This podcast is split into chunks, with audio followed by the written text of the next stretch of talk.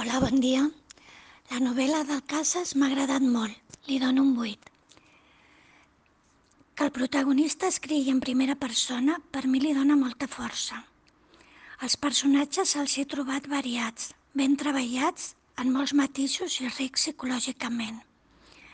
La descripció de Barcelona des del barri de Sants, en uns anys foscos on encara eren presents els estralls de la guerra i la postguerra, i una societat reprimida per la dictadura, l'he trobat real i ben documentada.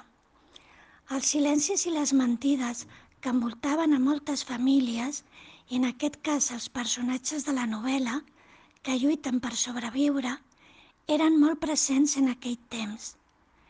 I és a partir d'una mentida que aquell nen desperta un món i a una realitat que marcarà per sempre la seva existència. Les mentides que anirà descobrint conformaran el seu caràcter i la seva manera de viure i d'estimar. L'amor i odi cap a la seva mare definirà la relació amb les dones que l'envolten. També m'ha agradat molt aquesta rebotiga del fotògraf i com la fotografia descobreix una vida amagada molt diferent i la importància d'aquest art en la història actual. El final és bo, molt bo.